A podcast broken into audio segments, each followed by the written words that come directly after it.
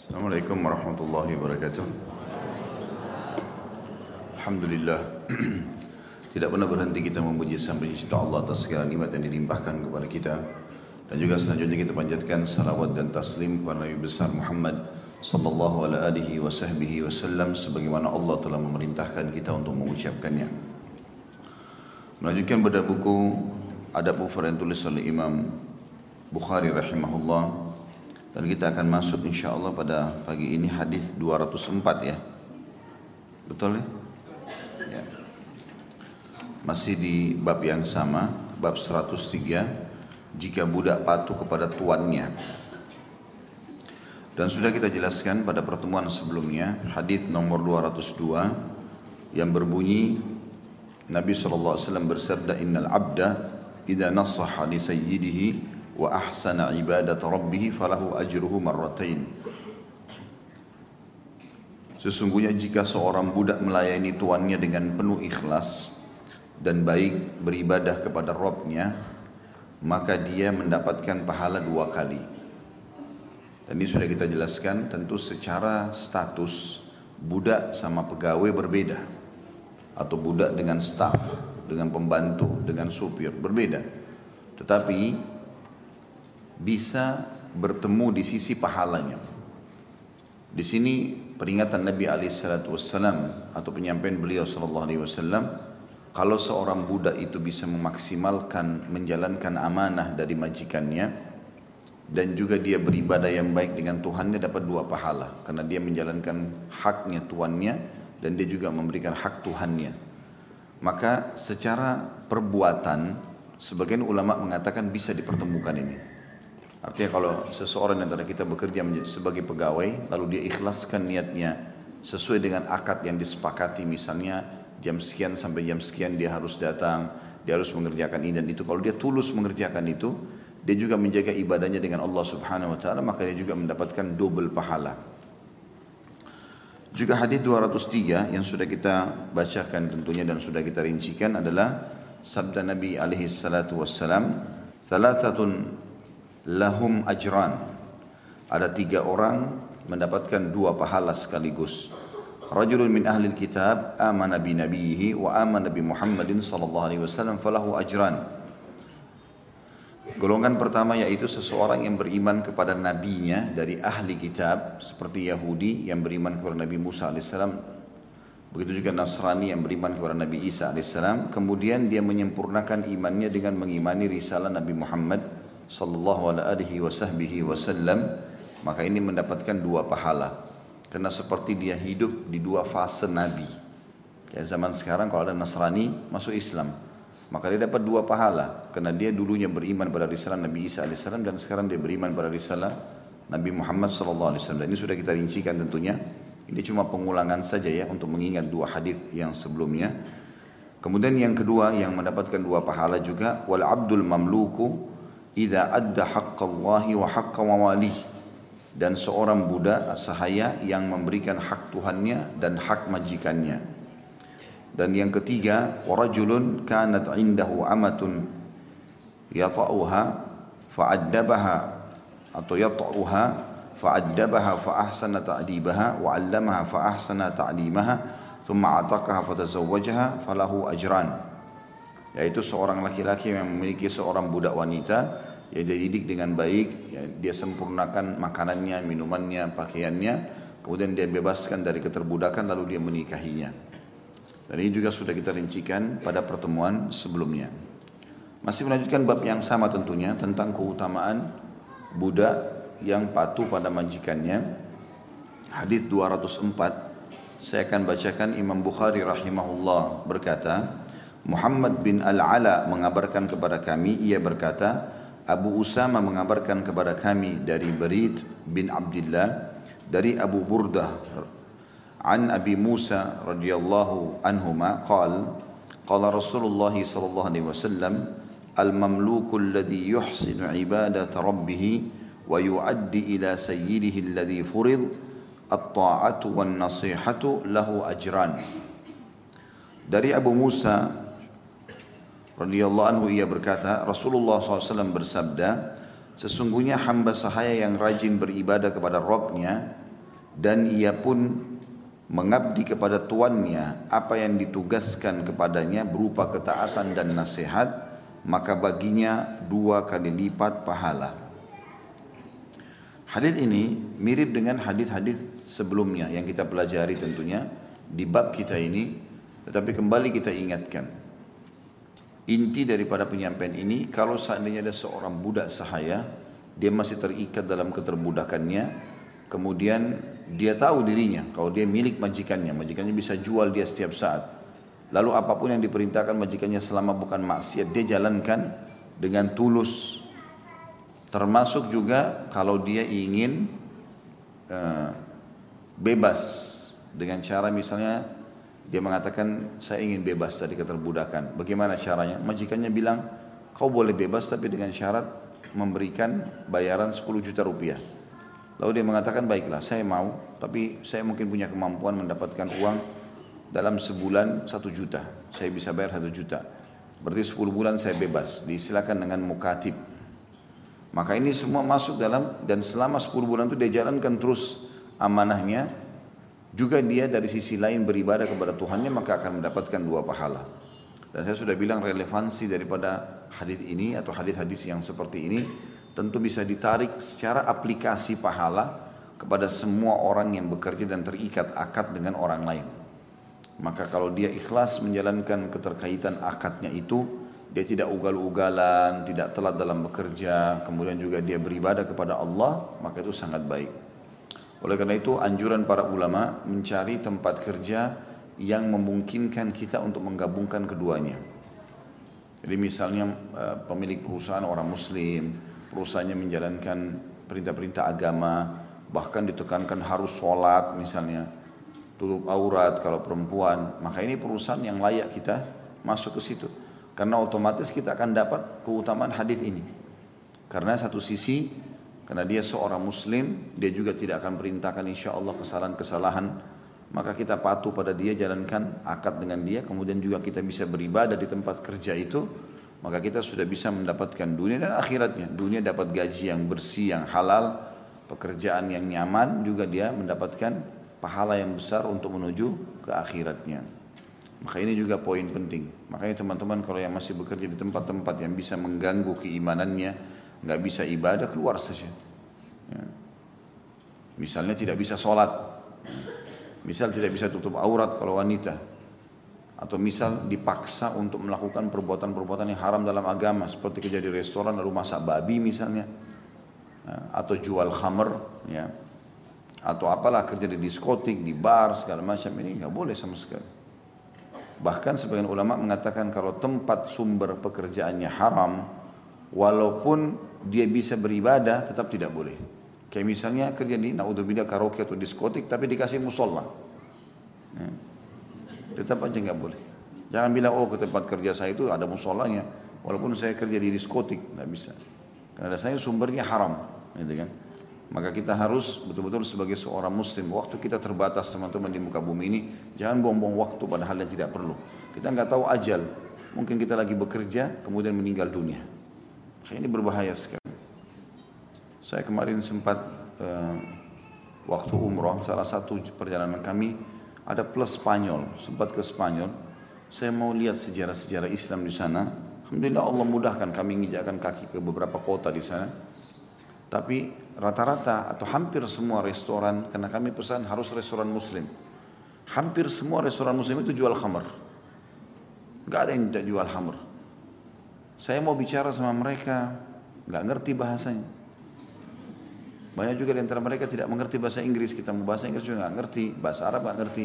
Sampai hanya saya temukan ada dua restoran di antara sekian hari kita habiskan waktu di sana.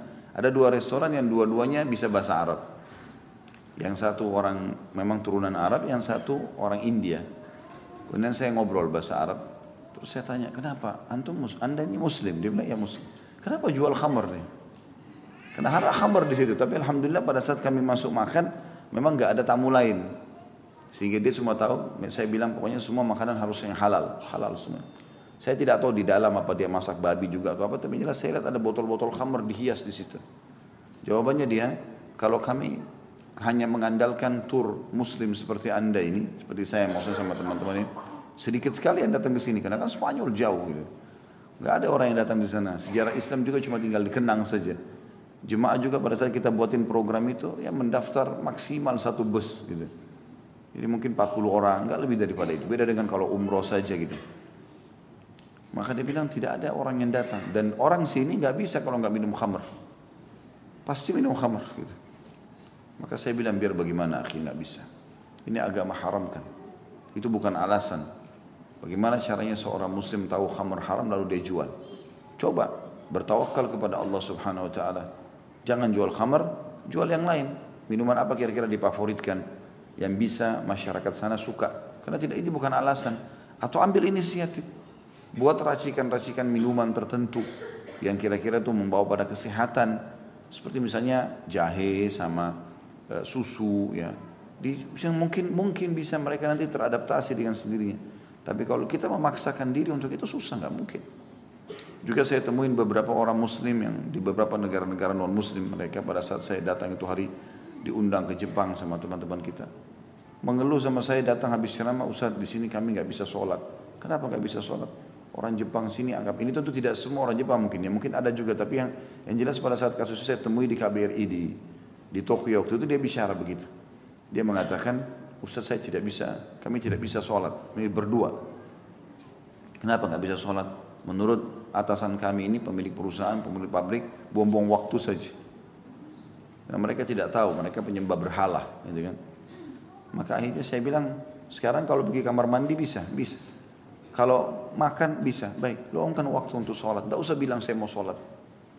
Nah kalau luangkan waktu khusus untuk sholat mungkin dianggap buang-buang waktu di waktu istirahat atau ke kamar mandi uduk sebentar lalu cari gang-gang pabrik situ aja hadap kiblat sholat karena tidak ada udur tidak bisa kita mengatakan tidak bisa sholat misalnya.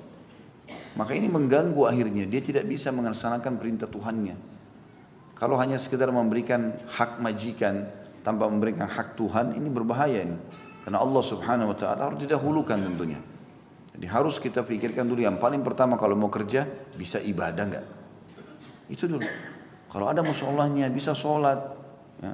atau kita jelas disuruh tutup aurat atau di situ misalnya tidak bercampur baur laki-laki perempuan. Wajah aman sisi keimanan. Ya sudah. Itu tempat yang sangat bagus gitu.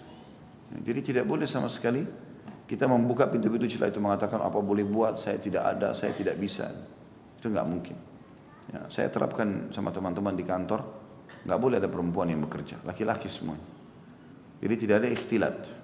Tidak boleh ada musik di kantor. Semuanya kalau diputar di TV-TV, di restoran, di toko, kita putar ceramah. Kalau sholat wajib ke masjid, nggak boleh tidak. Tidak sholat ini kedapatan tidak sholat maka kita hukum tentu dikeluarkan. Walaupun alhamdulillah kebanyakan semua sudah sholat. Maka ini membantu, membantu kitanya sendiri bisa menerapkan hukum Islam, mendapatkan rezeki halal dan juga insya Allah bisa menggabungkan antara dua hal ini, memberikan hak Tuhan dan juga Allah Subhanahu Wa Taala memberikan hak orang yang sudah punya akad dengan kita dari sisi pekerjaan. Oleh karena itu perhatikan baik-baik ini teman-teman. Dan bagi muslim yang Allah SWT mudahkan punya perusahaan, lakukan apa yang Nabi SAW lakukan. Nabi SAW melakukan pada saat pertama hijrah ke Madinah untuk membangun pondasi negara. Kata ulama ini pondasi negara, pondasi masuk dalamnya kota, desa segala macam dan juga pondasi perusahaan kalau zaman kita sekarang. Yang pertama beliau membangun Masjid Kuba. Ya, Kemudian berapa hari saja setelah itu langsung bangun Masjid Nabawi. Baru hari pertama di Madinah, Madinah kota kecil. Langsung Nabi SAW bangun dua masjid sebagai simbol. Jadi semua yang jadi pemimpin di satu wilayah harus punya masjid jami yang orang Islam bergabung. Perusahaan minimal punya musola. Tempat sholat di situ orang bisa sholat. Tamu bisa sholat, orang mampir bisa sholat. Hmm, kalau bisa bangun masjid besar bagus, Alhamdulillah. Saya tahu ada satu building baru dibangun di daerah eh, Jakarta Selatan di Gatot Subroto kalau nggak salah. Kebetulan eh, saya kenal pemilik buildingnya. Ternyata dia buat di satu lantai itu khusus lantai 22 luas sekali building bisa nampung 3000 orang. Dia nggak sewain sama tenan-tenannya, dia buk, di, di, di apa dibuka semua ruangan itu jadi musol, jadi masjid. Dan akhirnya bisa nampung sekian banyak orang. Banyak subhanallah orang berpikir mungkin Ngapain satu lantai? Bisa disewain per meter sekian dolar. Nah, mungkin untungnya sekian ratus juta per bulan. Tapi subhanallah dia tidak berpikir begitu. Lantai lain semuanya disewain sama dia kecuali lantai itu. Itu semua harus jadi masjid. Akhirnya subhanallah banyak orang datang sewa gara-gara ada masjid itu. Dan saya diminta jadi pembina, saya jadi pembina di masjid itu. Alhamdulillah kita tata taklimnya, khutbah Jumat segala macam. Masya Allah berjalan. Ini yang benar. Dia dia lakukan yang paling pertama ada masjidnya. Allah SWT tunjukkan itu melalui Nabi Muhammad SAW. Beliau pertama hijrah ke Madinah membangun masjid ini. Kemudian yang kedua, Nabi SAW mempersaudarakan antara muhajirin dan ansar. Bagaimana orang yang lama sama orang baru dipersaudarakan. Tidak ada lagi perbedaan antara mereka. Bahkan bisa saja orang baru datang tapi karena dia punya skill yang bagus mungkin jabatannya lebih tinggi. Itu biasa.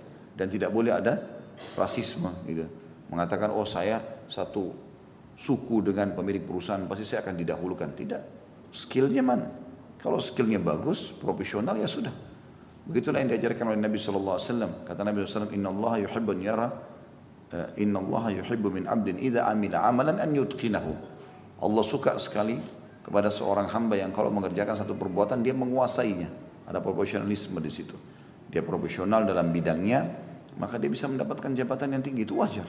Dan tidak boleh kita merasa, oh kenapa orang ini, saya sudah lebih dulu orang ini baru masuk kok kenapa dapat jabatan dan segala macam itu. Sudah begitu Nabi SAW tunjukkan bahwasanya orang yang berhak mendapatkan yang lebih baik ya lebih baik. Kemudian tidak boleh ada rasisme di antara mereka. Yang ketiga adalah Nabi SAW menulis perjanjian damai dengan orang-orang kafir Quraisy. Artinya kalau ada di perusahaan, kalau misalnya ada satu perusahaan, dia punya pegawai muslim sama non muslim, maka ini harus ada kesepakatan. Ya kan? Tidak saling mengganggu.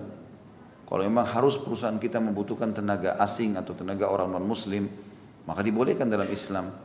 Nabi SAW menggunakan jasa tawanan badr di antara syarat mereka boleh bebas kalau mereka mau bebas adalah yang bisa membaca dan menulis mengajarkan cara itu atau ilmu itu kepada kaum muslimin baru dibebaskan. Nah, kita boleh kata para ulama belajar dari orang non muslim kalau memang itu bermanfaat bagi umat mengambil ilmunya lalu kemudian kita menerapkan di tengah-tengah umat Islam ini. Maka ini juga dibolehkan. Nah kalau ada seperti ini ada muahad, ada ada kesepakatan. Kita bisa tulis kesepakatan damai tidak ada orang Islam mengatakan kau ini Nasrani loh, kerja di sini kau harus Muslim. Tidak ada itu. Karena dalam Islam konsepnya la ikraha fiddin, tidak ada paksaan dalam agama kita. Tidak ada dalam Islam diperintahkan wajib kamu harus begini dan begitu. Tidak ada dalam Islam. Jadi kita tidak maksudnya kau harus masuk Islam karena kau ada di negara kami, karena kau ada di kota kami, karena kau ada di perusahaan kami. Gak ada itu dalam Islam. Gak ada paksaan. Tetapi dia juga nggak boleh melakukan perbuatan ibadahnya di, di kantor misalnya. Ya, karena ini ritual tidak boleh misalnya. Maka itu semua termasuk hal yang baik yang diterapkan oleh Nabi SAW dan ini kita tarik dalam aplikasinya tentunya. Ya, karena Nabi SAW lebih besar lingkupnya dulu negara tapi kita tarik kepada hal-hal termasuk lembaga pun bisa diterapkan pondasi yang baik ini. Hadis selanjutnya 205 Musa mengabarkan, kata Imam Bukhari rahimahullah, Musa mengabarkan kepada kami, ia berkata, Abdul Wahid mengabarkan kepada kami, ia berkata, Abu Burda bin Abdullah bin Abu Burda mengabarkan kepada kami, ia berkata, Sami'tu Aba Burdata yuhadithu an abihi qal, Qala Rasulullah sallallahu alaihi wasallam al-mamluku lahu ajrani idza adda haqqallahi fi ibadatihi atau qala fi husni ibadatihi wa haqqa malikihi alladhi yamlikuhu Aku mendengar Abu Burda mengabarkan dari ayahnya, ia berkata, Rasulullah SAW bersabda, hamba sahaya mendapatkan dua pahala apabila ia memenuhi hak Allah dalam beribadah kepadanya, n besar kata ganti Allah, atau beliau bersabda dan beribadah kepadanya, n besar maksudnya kata Allah dengan kata ganti Allah, dalam beribadah kepadanya maksudnya kepada Allah dengan baik dan menemui hak atau memenuhi hak tuannya yang memilikinya. Dan kedua hadis ini 204 dan 205 ini dikatakan sudah dijelaskan kandungan hadisnya di nomor 202. Tapi kurang lebih seperti apa yang saya paparkan barusan saja tadi tentang masalah e, bagaimana aplikasi ini dalam realita kehidupan kita sehari-hari dengan sekarang keterka atau keterkaitannya seorang muslim dengan akad kerja baik dia pemilik perusahaan ataupun dia staff ya. Baik kita masuk ke bab 104 budak adalah pemimpin. Hadis di sini diangkat yang pertama oleh Imam Bukhari rahimahullah hadis 206. Imam Bukhari berkata rahimahullah, Ismail bin Abi Uwais mengabarkan kepada kami ia berkata Malik mengabarkan kepadaku dari Abdullah bin Dinar an Ibnu Umar radhiyallahu anhuma anna Rasulullah sallallahu alaihi wasallam qala kullukum ra'in wa kullukum mas'ulun ar-ra'iyati fal amiru alladhi 'ala an-nasi ra'in wa huwa mas'ulun ar-ra'iyati wal rajulu ra'in 'ala ahli baitihi وهو مسؤول عن رعيته وعبد الرجل راع على مال سيده وهو مسؤول عنه ala kullukum ra'in wa kullukum mas'ulun ar-ra'iyati. Dari Ibnu Umar radhiyallahu anhu beliau berkata, Rasulullah sallallahu alaihi wasallam bersabda, setiap kalian adalah pemimpin dan setiap kalian akan diminta atau bertanggung jawab atas kepemimpinannya. Pemimpin yang mengurusi ya, orang-orang adalah pemimpin dan ia bertanggung jawab atas kepemimpinannya. Orang laki-laki adalah pemimpin atau seorang laki-laki pemimpin atas keluarganya dan ia bertanggung jawab atas kepemimpinannya dan hamba sahaya juga adalah orang uh, hamba sahaya orang uh, di sini maksudnya pemimpin ya dan hamba sahaya ya, di sini adalah ya kata orangnya dihapus aja itu yang pegang buku ini karena tumpah tindih terjemahannya dan hamba sahaya ada orang selain dihapus kata orang itu langsung saja adalah pemimpin atas harta Tuhan tuannya dan ia bertanggung jawab atasnya. Ketahuilah bahwa setiap kalian adalah pemimpin dan setiap kalian bertanggung jawab atas kepemimpinannya. Kita akan bacakan kandungan hadis ini, lalu kemudian kita masuk kepada penjabaran yang lebih luas insya Allah. Yang pertama, masing-masing individu dalam masyarakat Islam memiliki tanggung jawab dan hal tersebut berbeda-beda sesuai dengan kemampuan. Yang kedua, Tanggung jawab terbesar di pundak seorang imam adalah mengayomi rakyat dengan sebaik-baiknya dengan menegakkan hukum-hukum syariat, menyebarkan keadilan dan mengharuskan mereka mentaati ajaran agama. Yang ketiga, orang laki-laki atau seorang laki-laki adalah pemimpin bagi keluarganya, ia bertanggung jawab memberi mereka makan, pakaian, serta mengajarkan kepada mereka tentang berbagai perkara agama dan dunia. Dan yang terakhir yang keempat, peran wanita di masyarakat sangat besar dan pengaruhnya sangatlah besar dalam menangani urusan rumah tangga, pendidikan anak serta pemeliharaan kehormatan dan harta e, suaminya. Kalau saya melihat di sini e, poin keempat ini e, kurang tepat untuk masuk di sini ya. Poin keempat karena dalam hadis tidak disebutkan tentang kedudukan istri di sini. Tapi yang ada adalah hamba sahaya. Nah, jadi semestinya poin keempat itu Mestinya di sini kandungan hadisnya adalah tentang masalah bagaimana budak seperti judul judul judul judul bab kita. Ya. Budak adalah pemimpin. Semestinya poin nomor empat di situ disebutkan bahwasanya para budak itu juga pemimpin terhadap harta majikannya dan dia akan diminta pertanggungjawaban pada hari kiamat. Ya. Memang ada sebuah hadis. Ya, saya tidak tahu apakah memang dalam lafaz hadis ini ada yang terhapus atau tidak. Memang ada sebuah hadis yang lebih panjang dari hadis ini setelah dikatakan dan seorang laki-laki adalah pemimpin terhadap istri dan anak-anaknya dan dia akan diminta pertanggungjawab hari kiamat lalu Nabi SAW bilang dan seorang istri pun bertanggung jawab terhadap harta suami dan anak-anak suaminya dan dia akan diminta pertanggungjawaban pada hari kiamat itu setahu saya saya tidak tahu apakah lafaz hadis ini berbeda dengan lafaz hadis itu tapi memang lafaz hadis yang tadi saya baru sebutkan ada disebutkan tentang istri bertanggung jawab terhadap harta suaminya yang ditinggal di rumah dan juga anak-anaknya. Ya. Jadi sebenarnya kalau sesuai dengan letterlet hadis ini, poin nomor empat itu diganti ya, Bapak Ibu sekalian. Yang pegang buku dan menulis ditulis ya, karena poin keempat dari kandungan hadis ini peran wanita di masyarakat sangat besar ini tidak ada disebutkan dalam hadis ini. Ya. Tapi di situ adalah di, di, ditulis poin nomor empat bahwa eh, para budak adalah pemimpin atas harta majikannya dan dia diminta pertanggungjawaban pada hari kiamat. Kita akan masuk teman-teman sekalian kerincian lebih dalam dari hadis ini dan kita akan bedah insya Allah satu persatu. Nabi SAW menyebutkan di awal potongan hadis beliau, kullukum ra'in. Kalian semua tidak terkecuali adalah bisa jadi pemimpin. Siapa pun yang mendapatkan amanah kepemimpinan maka ada tanggung jawabnya. apa pun sifatnya. Dan kita perlu garis bawahi dari potongan kalimat ini teman-teman, kepemimpinan dalam Islam wajib ada. Tidak boleh nggak ada pemimpin. Harus ada. Dimulai dari lingkup yang kecil. Sholat misalnya. Kita dimotivasi untuk sholat berjamaah. Akhirnya ada siapa? Imam. Dan imam wajib dipatuhi. Kapan makmum melanggar bisa batal sholatnya. Sampai pada tingkat kalau kita sholat, kalau misalnya duhur empat rakaat, imamnya baru rakaat ketiga sudah tahiyat. Dan kita tahu ini baru tiga rakaat. Tugas kita makmum mengingatkan, subhanallah. Laki-laki mengatakan subhanallah. Kalau perempuan sunnahnya menepuk punggung tangannya, ya. Dia bilang subhanallah. Ternyata imamnya tetap yakin ini sudah rakaat keempat. Makmum semuanya tahu ini rakaat ketiga. Apa yang harus makmum lakukan? Hah? Mana ulamanya kelapa gading ini? Apa harus lakukan?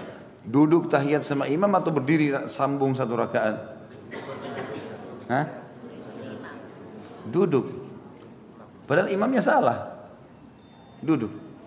Kalau imam salam, kita tambah satu rakaat. Tidak boleh kita langgar dia. Padahal dia salah. Ya. Mungkin karena dia lupa. Tentu syarat-syarat imam ada di antaranya dia harus orang yang faham gitu kan bacanya bagus. Mungkin dia lalai saja. Maka kita tetap tahiyat sama dia. Nanti setelah dia salam baru kita tambah satu rakaat. Dia tidak mau nambah ya seperti itu. Bahkan kata Nabi SAW, kalau kalian sedang sholat berjamaah, imam kalian berdiri, berdirilah. Kalau imam kalian duduk, duduklah.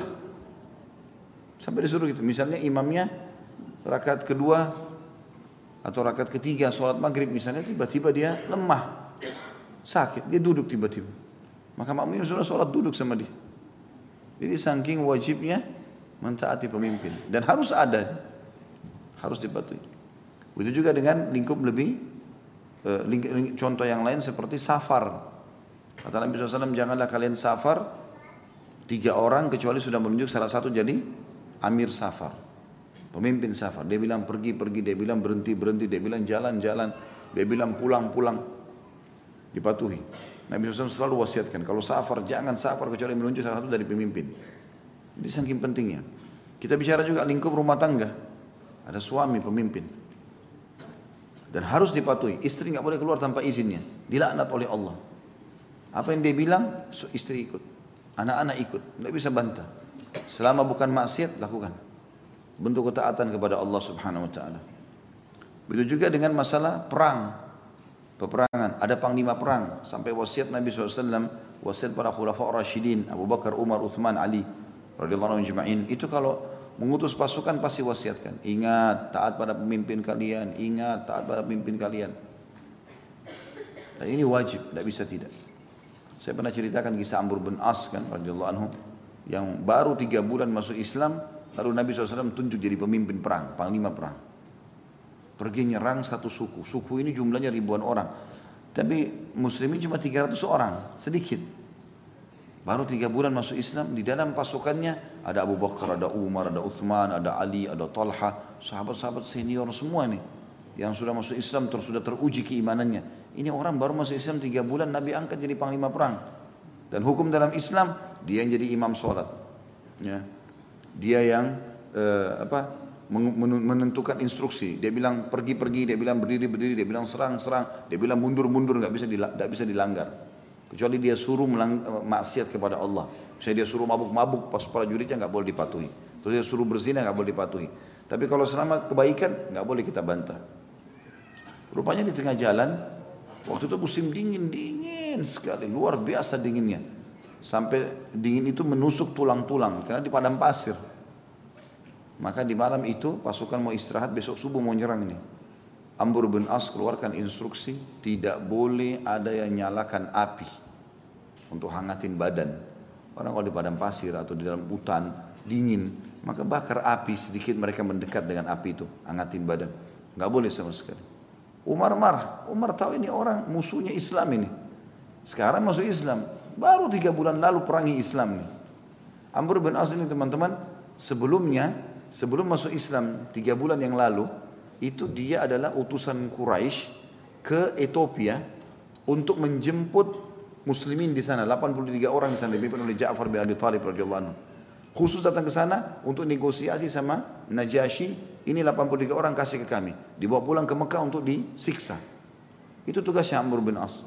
Allah kasih dia hidayah pas tiba di Ethiopia rupanya Najasyi raja Ethiopia masuk Islam di tangannya Ja'far bin Abi Thalib maka Ja'far bin Abi Thalib ini penyebab hidayahnya Najasyi Najasyi penyebab hidayahnya Amr bin As Padahal Ja'far sama Amr ini dua-dua orang Mekah. Kuasa Allah SWT dimampirkan ke sana dulu. Najasyi dapat pahala gitu. Yang jelas setelah masuk Islam tertanam iman dalam hatinya. Hanya seperti inilah keadaannya. Umar lihat ini orang baru masuk Islam. Kemarin musuh Islam. Hai Amr, kenapa kau larang orang bakar api? Ini musim dingin nih, panas. Apa dingin sekali? Dia bilang itu keputusan saya. Umar lihat ini orang, Umar tinggi besar, ditampar sama Umar mati orang ini. Tapi Umar lihat ini orang kok bersikuku nggak mau. Datang kepada Abu Bakar, wahai Abu Bakar, bagaimana pendapatmu ini? Kata Abu Bakar, dia pemimpin yang ditunjuk oleh Nabi. Jangan lihat dia, lihat Nabi yang suruh. Dia bilang apa ikuti.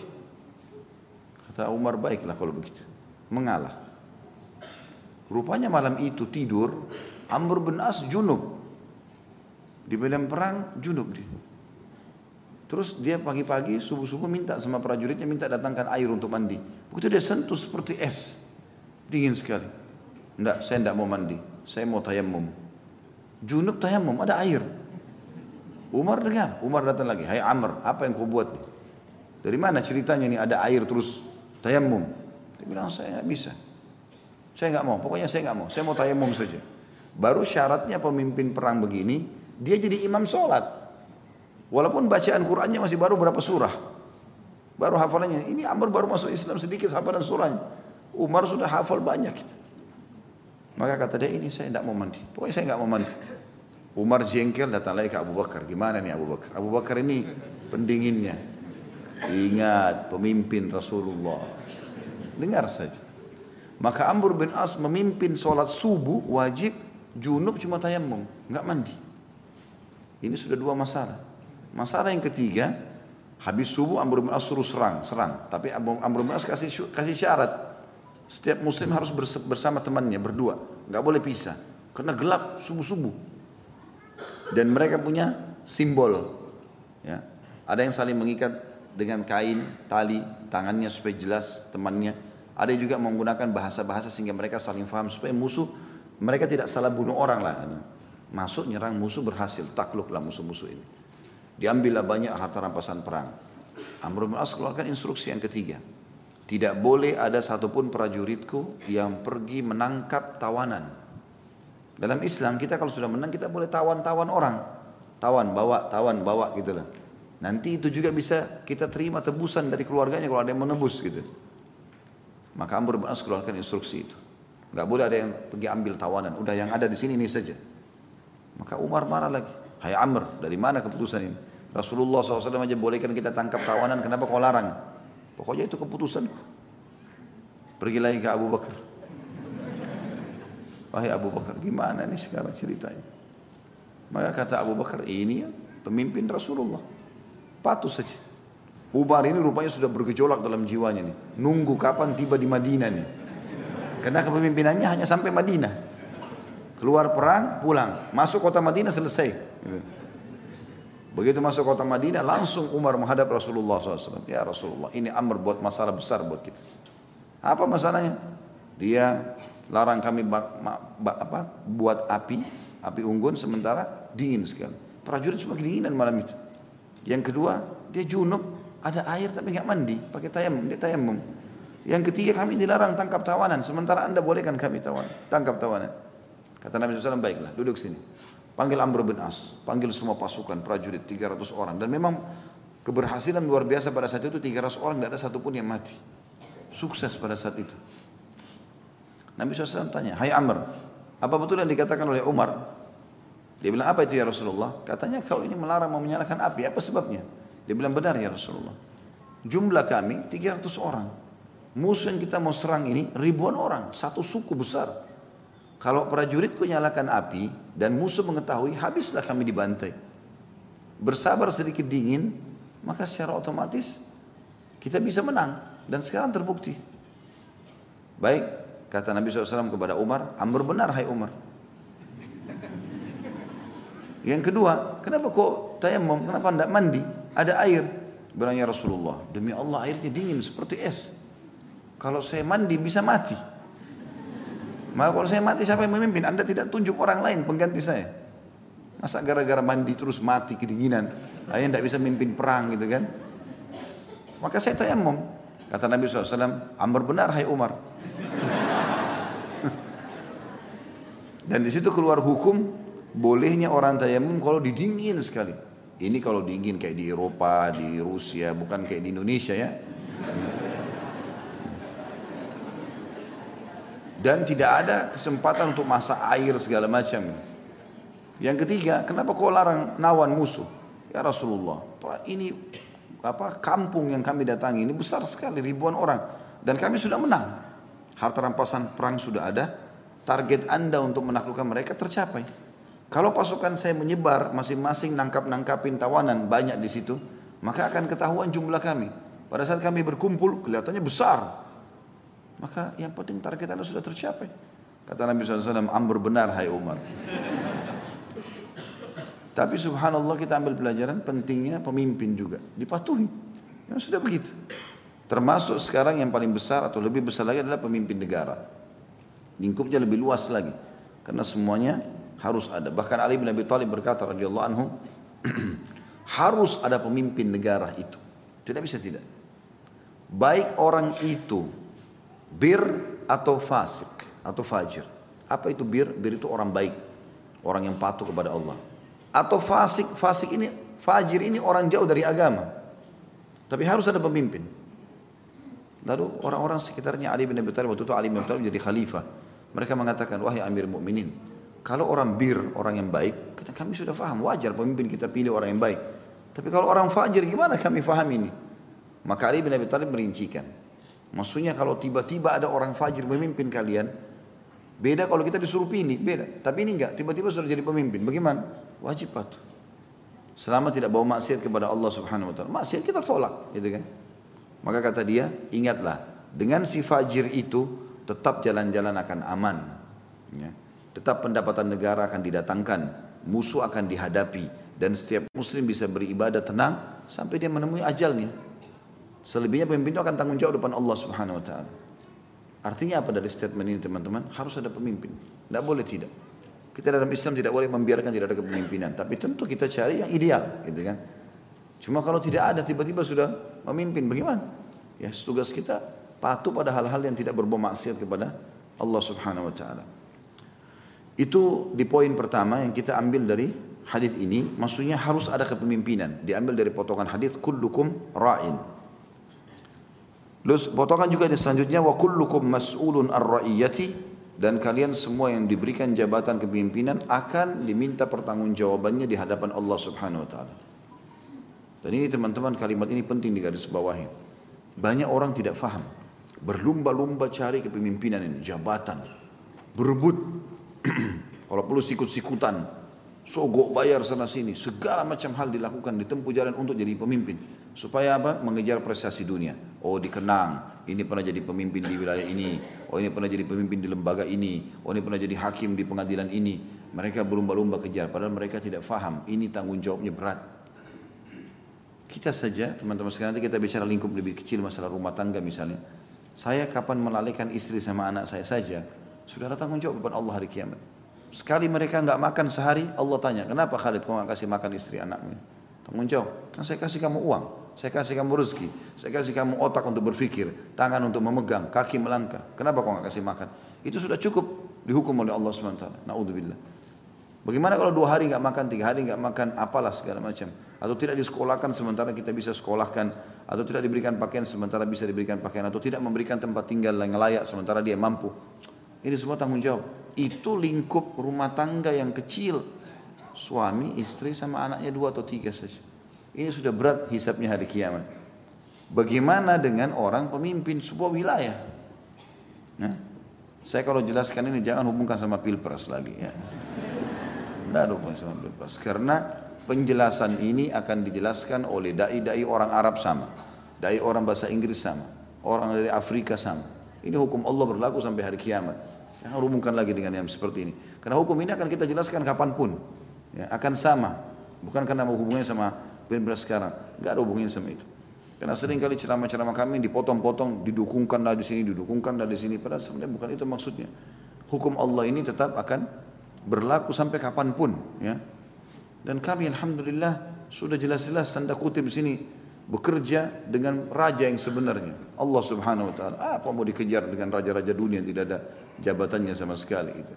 Sebentar mati tanggung jawab depan Allah di kiamat. Ini kita sudah jelas-jelas menyampaikan hukum Allah subhanahu wa ta'ala.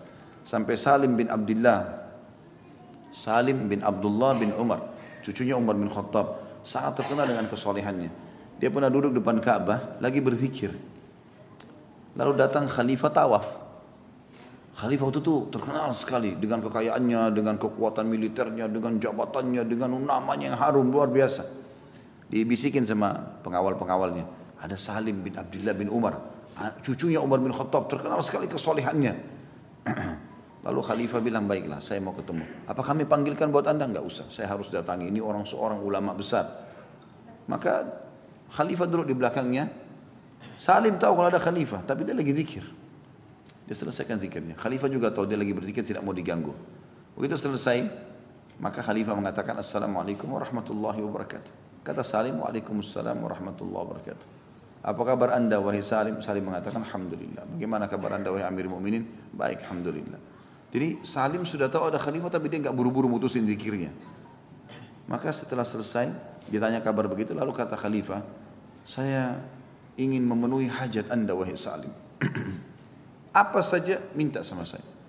Saya ingin berbuat baik. Misal kalau ada utang dibayar, ada kebutuhan mau beli rumah, mau beli apalah, pokoknya apa saja sampaikan. Bayangkan teman-teman kalau kita lagi duduk di masjid, datang presiden, duduk di belakang kita lalu mengatakan, Pak mau butuh apa? Apa saja bilang. Mau beli rumah kah, mau beli mobil kah. Apa jawaban Salim rahimahullah? Beliau mengatakan, aku sedang berada di rumahnya raja yang sebenarnya pemilik dunia dan akhirat sementara aku tidak pernah minta pada dia hajat dunia bagaimana aku minta kepada anda yang tidak memiliki dunia ini jawabannya luar biasa ya. maka khalifah jadi malu gitu kan Artinya seperti dia sedang sekaligus mendakwai khalifah. Untuk apa kau tawarin saya? Ada saya punya raja yang sebenarnya. Saya nggak minta sama dia. Ngapain minta sama kamu ini? Kalau saya punya utang tinggal angkat tangan ke langit selesai, gitu kan? Tapi saya tidak lakukan itu. Saya sedang berada di rumah raja yang sebenarnya yang memiliki dunia dan akhirat tapi saya tidak minta dari dia. Bagaimana saya minta pada anda yang tidak memiliki dunia ini? Khalifah jadi malu. Diam dia, lalu Khalifah berdiri. Salim berdiri. Mau pulang. Orang semua kerumuni dia, khalifah ditinggali. Karena ulama besar. Orang kadang-kadang datang cuma untuk lihat dia saja. Tanya apa kabarnya, salaman segala macam. Ada yang menanyakan masalah hukum. Orang kerumun semua. Masjid Haram dipenuhi ke arahnya Salim. Khalifah kayak ditinggalkan sama pengawal-pengawalnya gitu. Maka dia datang lagi sekali lagi. Khalifah datang lagi. Waktu orang lihat khalifah, orang minggir semua. Wahai Salim, sampaikan hajatmu hajat dunia. Aku ingin berbuat baik. Dia bilang, aku sudah jawab, wahai Amir Mu'minin. Aku sedang berada di rumah raja sebenarnya, pemilik dunia dan akhirat, bumi ini dan alam semesta punya dia. Aku tidak minta hajat dunia. Maka kalau begitu untuk apa aku minta kepada anda yang tidak memilikinya? Lalu kemudian dia jalan ditinggalkan khalifah. Orang teman-teman kalau sudah faham bahwasanya dia berhubungan sama raja yang sebenarnya, dunia jadi kecil buat dia. Semestinya semua dai begitu, tidak bergantung pada jabatan, tidak bergantung pada ini atau semuanya kaum muslimin. Dia faham sebenarnya ada Tuhannya Allah Subhanahu wa taala dan semuanya ada tanggung jawabnya. Jangan berebut jabatan teman-teman sekalian. Karena itu berbahaya. Tanggung jawabnya berat. Kecuali kalau kita diamanahkan betul-betul harus melakukannya. Dan kita lihat kalau kita tidak mengambil jabatan itu malah jadi masalah nanti. Itu berbeda. Mungkin. Dan kita siap konsekuensi tanggung jawabnya hari kiamat. Ya silahkan. Tapi kalau tidak, nggak ada. Para sahabat, para tabi'in lari dari jabatan itu. Waktu Abu Bakar mau meninggal. Abu Bakar itu tidak tidak nobatkan diri, tapi Nabi SAW titip pesan pada Aisyah. Suruh Abu Bakar mengimami sholat. Simbolnya kalau jadi pemimpin imam sholat. Maka isyarat dari Nabi SAW, Abu Bakar jadi pemimpin setelah saya. Abu Bakar waktu mau meninggal tulis wasiat. Umar bin Khattab. Ya. Hai muslimin, aku memilihkan buat kalian terbaiknya umat ini Umar bin Khattab. Karena dia paling faham tentang hukum halal haramnya Allah. Dibaca, sudah selesai, jadi pemimpin. Begitu juga dengan Umar bin Khattab pada saat mau meninggal, ditusuk oleh Abu Lu'lu. Maka dia kumpulkan enam orang sahabat yang sisa dijamin masuk surga. Uthman bin Affan, Ali bin Abi Thalib, Talha bin Ubaidillah, Zubair bin Awam, Abdurrahman bin Auf, Sa'ad bin Abi Waqqas. Semua dikumpulkan. Kemudian kata Umar, masuk di sini. Di ruangan ini tempat saya biasa memecahkan perkara umat Islam. Jadi ada ruangan di rumahnya Umar, lalu berkatalah dia begitu. Kemudian eh, kata Umar radhiyallahu anhu, jangan keluar kecuali sudah tunjuk salah seorang dari kalian jadi pemimpin. Kalau tidak, saya tunggu di sini. Saya akan tebas leher kalian semua. Tidak boleh keluar, tidak ada pemimpin. Maka mereka di dalam saling tunjuk-tunjuk. Dia saja, dia saja, dia saja. Enggak ada yang mau bilang saya ya, pilih saya, enggak ada. Sekarang ini pilih saya, pilih saya. Pilih saya. Hmm. Orang tunjuk temannya. Ya, semua tunjuk. Makanya Abdurrahman bin Auf ditunjuk oleh Umar bin Khattab. Hai Abdurrahman, dari enam orang ini kau pemimpin majlis. Seperti Umar sedang kasih isyarat kalau saya saya pilih Abdurrahman. Tapi saya nggak mau egois. Kalian enam orang yang terbaiknya umat ini pilih. Di dalam Abdurrahman langsung bilang di dalam majelis, saya sudah dipilih oleh Amir Mukminin jadi jadi pemimpin majelis ini. Untuk kalian tahu, saya mengundurkan diri dari kandidat. Kalian berlima silahkan. Jadi khalifah loh ini, memimpin, tidak mau. Tidak mau. Dan dia tidak bisa ditolak karena dia ketua majelis. Terpaksa dia lepas, sisa lima orang. Lima orang saling tunjuk, ini aja dia saja, dia saja. Maka kata Abdurrahman sebentar, kita sebutin masing-masing keutamaannya. Ayo sebutin, keutamaan Uthman apa yang kalian tahu? Nabi pernah bersabda begini. Sama Abdurrahman ditulis semua. Keutamanya Ali, keutamanya Talha, keutamanya Zubair, keutamanya Sa'ad bin ditulis semuanya. Setelah ditulis mengerucut ternyata Uthman sama Ali punya kelebihan. Lalu ditemukan Uthman bin Affan unggul dua buah hadis saja. Uthman tidak pernah obatkan diri. Mereka semua sepakat, ah Uthman kok nggak bisa lopas kan? Harus jadi pemimpin. Apa boleh buat? Keluar, mereka sudah sepakat. Umar tanya sambil pegang pedang, siapa? Uthman. Alhamdulillah. Saya lepas tanggung jawab hari kiamat. Mau nggak mau harus mimpin dan dipilih begitu. Sebenarnya teman-teman saya sering sampaikan dalam ceramah, saya berharap satu waktu mungkin negara kita ini tidak usah repot-repot buat acara-acara begini. Pilpres, pilkada, uh, banyak sekali biayanya. Ya. Semua orang dilibatkan. Cari orang terpintarnya negara kita ini. Banyak profesor-profesor yang pintar-pintar, cerdas-cerdas, ahli di bidangnya. 10 orang, 20 orang. Suruh mereka rembukin. Satu orang jadi kalian harus jadi pemimpin. Gitu. Orang pintar, tunjuk orang pintar. Selesai. Kita kan cuma mau tidak lapar, tidak haus, aman, ada pekerjaan, cukuplah. Ini semuanya terlibat, biayanya sekian, terjadi ini, ribut, kecurangan, apalah, wah, buang-buang waktu. Dan semua ada tanggung jawabnya. Allah musta'an. Tentu ini saran saja, jangan lagi dipelintir-pelintir. Karena memang kalau kita lihat masa lalu begitu mereka. Para salafus saleh begitu. Satu orang yang baik atau berapa orang tunjuk orang yang baik selesai gitu kan. Waktu Uthman bin Affan meninggal dunia dibunuh oleh kaum kaum Khawarij pada saat itu, maka mereka masyarakat Madinah ingat, oh dulu kandidatnya Umar bin Khattab setelah Uthman kan Ali. Udah Ali aja deh. Ali kau harus jadi khalifah, kami semua dukung. Udah. Akhirnya mereka melihat, oh saya tidak tidak bisa menghindar lagi ya sudah. Dan kalau diberikan kepada orang ini mungkin bisa berbahaya. Nah itu berbeda. Jadi teman-teman jangan gila-gila jabatan ini, nggak ada gunanya.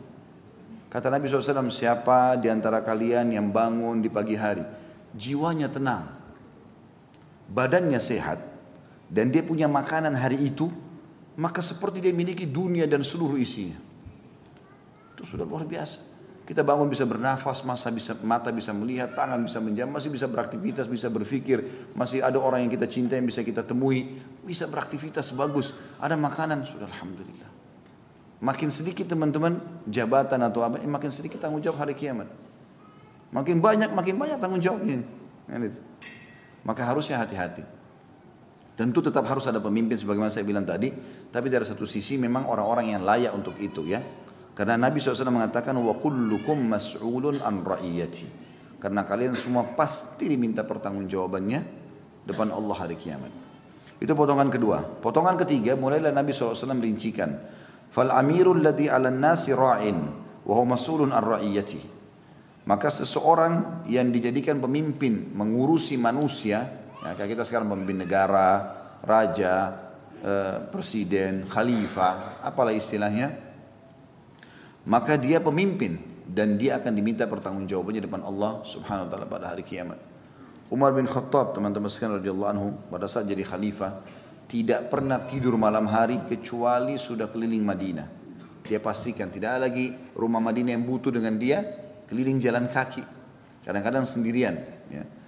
Kalau sudah tidak ada lagi yang butuh sama dia, baru kemudian beliau pulang tidur. Dan beliau tidak tidur sama sekali sebelum ya memastikan itu semua. Pernah sekali Umar bin Khattab tiga hari saja tidak keluar. Ditemukan di pinggir Madinah ada seorang ibu nangis-nangis terisak-isak, anaknya di sebelah tidur tiga orang. Umar jalan sama seseorang, kemudian Umar dekatin, nanya, setelah salam, wahai amatullah, amatullah ini wahai hamba Allah, kenapa kau ini? Ada cerita apa dengan hidupmu ini? Kok bisa lagi masak panci, ada anak di sebelah dan dia nangis terisak-isak. Kata ibu itu, pemimpin negara ini tidak perhatikan kami. Dia nggak tahu kalau ini Umar. Pemimpin negara ini tidak perhatikan kami. Kok bisa kata Umar? Kenapa? Dia bilang selama tiga hari saya nggak makan. Anak-anak saya tidak makan. Lalu apa yang kau buat? Dibuka pancinya. Saya lagi masak batu selama tiga hari. Batu kasih air masak supaya anak-anak anak-anak saya kira saya sedang masak. Nggak ada makanan, gitu kan? Maka selama tiga hari, subhanallah tiga hari Umar nggak keluar karena sakit, tiga hari itu ada orang yang kelaparan. Baru tiga hari ini. Terus kemudian Umar langsung mengatakan baiklah tunggu sebentar, jalanlah Umar ke Baitul Mal. Ada satu sekretarisnya Umar ikut sama di Umar pergi ke Baitul Mal, ngumulin gandum, angkat semua kebutuhan-kebutuhan, dipikul sama Umar di pundaknya. Orang ini temannya bilang, wah Amir Mu'minin, biar saya pikul. Apa kata Umar? Apa kau siap pikul dosaku hari kiamat? Padahal ini sekretarisnya, mau pikulin dia. Enggak, saya yang pikul sendiri. Diikutilah. Sampai tiba di sana Umar bersihkan pancinya, Umar masakkan segala macam sampai dibangun anak-anaknya makan semua. Sudah kenyang semua. Kata ibu itu, kalau pemimpin negara ini seperti anda, pasti tidak ada orang kelaparan. Maka Umar mengatakan, ambillah ini semuanya ya, sisa-sisa makanan, masak makanlah. Maka sekretarisnya Umar sempat bilang, ibu tahu nggak siapa ini? Enggak, enggak tahu. Ini Umar bin Khattab. Ini pemimpin negara ini. Maka ibu itu datang minta minta maaf sama Umar. Umar mengatakan tidak ada masalah. Besok insya Allah semua kebutuhan akan kita penuhi. Maka Umar besok mengurus kebutuhan dia, saya berikan semua buat dia sama anak-anaknya. Itu luar biasa. Pernah Umar bin Khattab juga jalan satu kali, ke pinggir kota Madinah. Di pinggir kota Madinah sudah jauh sekali, sudah mau pintu gerbang. Pas di sana rupanya ada tanah-tanah kosong, tidak ada yang tinggali. Seperti kita biasa mungkin di ujung-ujung perkampungan kita nggak ada orang tinggalin, tanah kosong nggak ada yang punya. Maka ada orang, rupanya orang Badui datang malam-malam, dia tancapin kemahnya, lagi tancapin kemahnya. Ada istrinya di dalam. Maka Umar selesai dia tancapin kemahnya, Umar pas lewat. Umar lihat kenapa ada orang malam-malam tidak dikenal bukan masyarakat Madinah. Salam, Assalamualaikum warahmatullahi wabarakatuh. Dia jawab, Waalaikumsalam warahmatullahi wabarakatuh. Berarti orang muslim. Kata Umar, wahai hamba Allah, wahai Abdullah, apa ceritamu ini? Dia bilang, saya musafir dan saya kebetulan kemalaman. Saya lewat Madinah, saya mampir ini tanah kosong, saya tinggal di sini. Besok pagi saya pergi. Umar diam. Ternyata dari dalam kemah ada suara perempuan eh, seperti merintih, ya, orang yang kesakitan. Kata Umar, siapa itu? Kata orang itu, orang Badui bilang, bukan urusanmu. Maksudnya dia tidak tahu, mungkin dia juga nggak enak kalau sampai dia jelasin. Kata Umar, mungkin saya bisa bantu. Kata dia, itu istri saya lagi mau melahirkan. Lagi mau melahirkan istri saya. Dan tidak ada yang bisa bantu. Saya tidak mengerti bagaimana membuat perempuan melahirkan. Saya nggak tahu. Kata Umar, mau kau saya datangkan bantuan? Dia bilang, iya. Umar pergi pulang. Waktu itu Umar sendirian nih. Tengah malam. Dia pulang ke rumahnya, dia panggil istrinya. Dia bukan ketuk-ketukin rumahnya para pejabat negara nih, ayo, ayo bantu. Enggak. Dia bangunin istrinya. Istrinya waktu itu Ummu Kalsum. Ummu Kalsum radhiyallahu anha ini adalah anaknya Ali bin Abi Thalib dan Fatimah, adiknya Hasan dan Husain. Istri terakhirnya Umar itu adalah anaknya Ali bin Abi Thalib. Maka dia bilang, wahai cucu Rasulullah, apakah kau mau mendapatkan pahala seorang muslimah yang mau melahirkan tidak ada yang bantu? Kata istrinya ratu waktu itu. Ya. Tentu saja Amir Mukminin. Ayo siapkan perlengkapan untuk melahirkan orang. Kita berjalan sekarang. Jalanlah si raja sama ratu. Nggak ada kamera, nggak ada orang tahu. Kenapa ketawa? Nggak ada yang tahu malam-malam. Jalan si raja sama ratu, tengah malam, nggak ada yang tahu. Ya. Sampai ke sana, Umar bilang sama istrinya, masuklah, uruslah saudarimu muslimah itu. Umar bin Khattab duduk sama si pemilik kemah ini, si orang Badui. Ngobrol-ngobrol, Umar gak kenalin diri, saya Amir Mukminin. Enggak ada.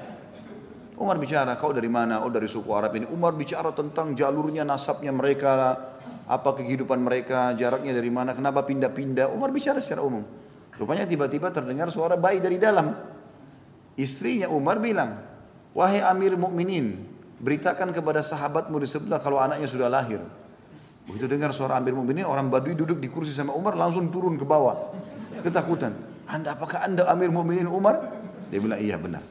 Duduklah, kata Umar. Tidak usah kau khawatir. Ini adalah tanggung jawabku. Maka Umar bin Khattab pun memberikan kebutuhannya dia, kemudian memberikan kesempatan juga dia membawa bekal untuk besok pergi. Tapi begitu luar biasa, itu contoh saja. Maka orang yang jadi pemimpin ini teman-teman tanggung jawabnya berat. Kalau ada satu orang saja yang tidak sempat makan di bawah naungan dia, itu sudah cukup menuntut pada dia hari kiamat. Ini bahaya sekali nih. Ini jangan bawa-bawa musuh hari kiamat ini. Karena satu orang cukup kalau buat mas kita buat masalah sama orang tetangga kita saya satu orang Kemudian kita, dia, dia kita zalimi dia. Misal kita gibah, fitnah atau kita ambil haknya dia misal. Kemudian dia bilang pada hari kiamat kita tidak sempat minta maaf. Ya Allah saya mau puasa Ramadannya aja. Kita puasa Ramadan 50 tahun diambil sama dia gara-gara gibah rugi benar ini. Ya Allah saya mau hajinya saja. Saya mau sholat malamnya saja. Saya mau sedekahnya. Itu habislah pahala kita. Itulah yang Nabi SAW mengatakan Atadruna manil muflis. Apa kalian tahu siapa orang yang bangkrut? Man la dirham lahu wala dinar ya Rasulullah. Kata sahabat yang tidak ada dinar dan dirhamnya. Kata Nabi bukan. Orang yang datang hari kiamat bawa pahala solat lengkap, puasa lengkap, haji lengkap, sedekah lengkap. Tapi pernah caci maki ini, pernah memukul itu, pernah mengambil haknya orang ini. Pernah juga tidak memberikan hak orang lain. Lalu datang orang-orang yang tuntut dia pada hari kiamat. Dibagi-bagilah pahalanya semua. Pada saat habis, masih ada nuntut, diambil dosa orang-orang ditimpakan pada dia. Maka dilemparkan dia ke dalam neraka sejarak jauh timur dan barat. Kita yang sholat, kita yang puasa, kita yang haji diambil untuk orang lain. Kenapa? Karena buat musuh. Ini tanggung jawab semua ini. Jadi jangan main-main teman-teman sekalian dalam masalah ini. Makin kita tidak banyak tahu tentang orang atau diamanahkan makin bagus. Tapi kalau ada kita jalankan amanah itu. Tapi sengaja teman-teman ya pilihlah saya, ya dukunglah saya segala macam. Tapi dia tidak sadar tentang tanggung jawabnya ini bahaya sekali. Bahaya sekali. Ini saya bicara umum. Jangan dihubungkan lagi sama pilpres. Ini bahaya, tanggung jawabnya berat ya. Apalagi Indonesia Masya Allah 200 juta lebih. Luar biasa nuntut semua hari kiamat. Inilah haula wala quwata illa billah. Lima tahun menjabat tapi luar biasa tuntutannya. Ini luar biasa ya. Semoga Allah berikan hidayah. Yang kedua adalah warrajulu ra'in ala ahli baiti wa huwa mas'ulun ar ra'iyati. Ini bapak-bapak, ikhwasin laki-laki sekalian, harus menjadi pemimpin. Tidak boleh balik, jangan suruh istri jadi pemimpin. Ya. Pemimpin artinya penaung, pelindung, penentu keputusan. Dari awal menikah begitu. Ya. Berikan instruksi, saya mau begini, kerjakanlah ini. Sambil kita naungi dia dengan cinta dan kasih sayang. Tapi keputusan di tangan kita. Karena Nabi karena Allah SWT mengatakan dalam dalam surah An-Nisa, "A'udzubillahi minasyaitonir ar-rijalu qawwamuna 'alan nisa." Laki-laki pemimpin perempuan. Pemimpin berarti penaung, pelindung dan juga penentu keputusan. Jadi istri boleh kalau mau minta pendapatnya, tapi bukan istri penentu keputusan. Dari awal biasakan kita ini mendengarkan keluh kesahnya istri, keluh kesahnya anak, ya udah. Walaupun kita punya masalah banyak di luar, memang begitu tugasnya laki-laki. Kalau kita mau cerita betul-betul kalau kita pikir istri kita ini berakal, punya pendapat, mungkin. Nabi Alaihissalam pernah menanyakan pendapat tapi kepada istrinya yang berakal Ummu Salamah radhiyallahu anha. Pada saat terjadi kesepakatan Hudaybiyah lalu Nabi SAW disuruh oleh Allah SWT untuk pulang ke Madinah. Waktu itu Nabi SAW pakai baju ihram dan 1399 orang semua pakai baju ihram. Sahabat-sahabat berharap mereka sudah bawa pedang bisa nyerang Mekah. Tapi wahyu mengatakan tidak seperti itu suruh pulang ke Madinah. Nabi SAW mengatakan cukurlah rambut kalian buka baju kalian kita pulang ke Madinah Sahabat semua pada duduk, berharap mungkin ada wahyu lagi turun suruh perang, mau perang, gitu kan. Mau nyerang Mekah karena sudah ini tinggal satu langkah perbatasan haram masuk Mekah dan bisa menyerang Mekah pada saat itu 1400 orang kuat sekali gitu. Maka pada saat itu sahabat pada duduk semua, bukan mau membangkang dengan Nabi SAW tapi Mereka berpikir siapa tahu masih bisa berubah nih. Ya, karena mereka berharap perang pada saat itu. Maka Nabi SAW masuk dalam kemah waktu itu yang ikut, ikut kebetulan dalam safar istri beliau Ummu Salamah Ummu Salamah ini orang yang berumur bahkan kalau tidak salah lebih tua dari Nabi SAW. Berakal, sudah dewasa wanita ini. Maka dia lihat raut wajahnya Nabi berubah. Kata Ummu Salamah, ada apa wahai Rasulullah? Maka Nabi SAW mengatakan, sesungguhnya aku telah memerintahkan mereka untuk mencukur rambut mereka dan membuka baju ihram mereka.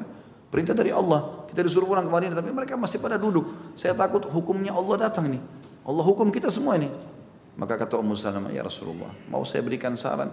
Kata Nabi SAW, silahkan. Kata dia, kenapa anda tidak mulai mencukur rambut anda dulu di depan mereka?